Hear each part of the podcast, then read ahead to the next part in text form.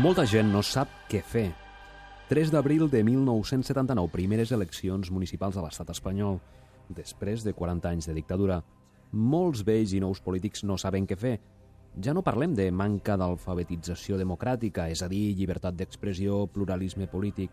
També parlem de l'analfabetisme de la quotidianitat de les ciutats, del dia a dia, de la neteja dels carrers, els problemes de l'habitatge, les escoles, el transport públic, els serveis socials.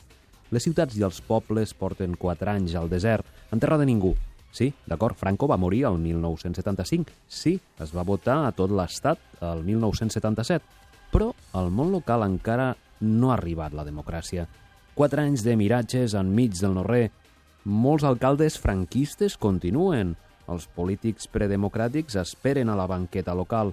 Quatre anys i els problemes del dia a dia no tenen somiades solucions democràtiques. Quatre anys i la política municipal queda congelada, com una nevera tancada, i al voltant el sol de la democràcia comença a brillar. Però aquí hi ha una terra de ningú.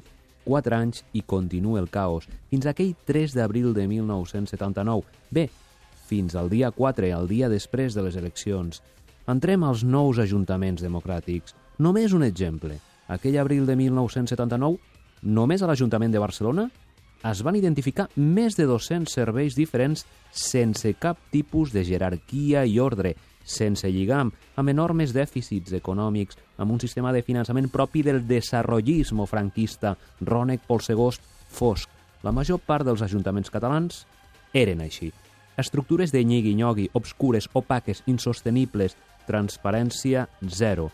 I va començar una nova era, els ajuntaments van intentar passar d'una administració caracteritzada pel formigó a una de persones, de la centralització a la descentralització, fora murs físics i mentals, fora murs incomunicatius, estructures per àrees, cultura, ensenyament, sanitat, urbanisme, persones a cada àrea i organigrames amb coordinadors, directors tècnics, es comunica la dualitat del polític i el tècnic, és la deconstrucció de l'estructura franquista en l'esferificació d'una estructura democràtica.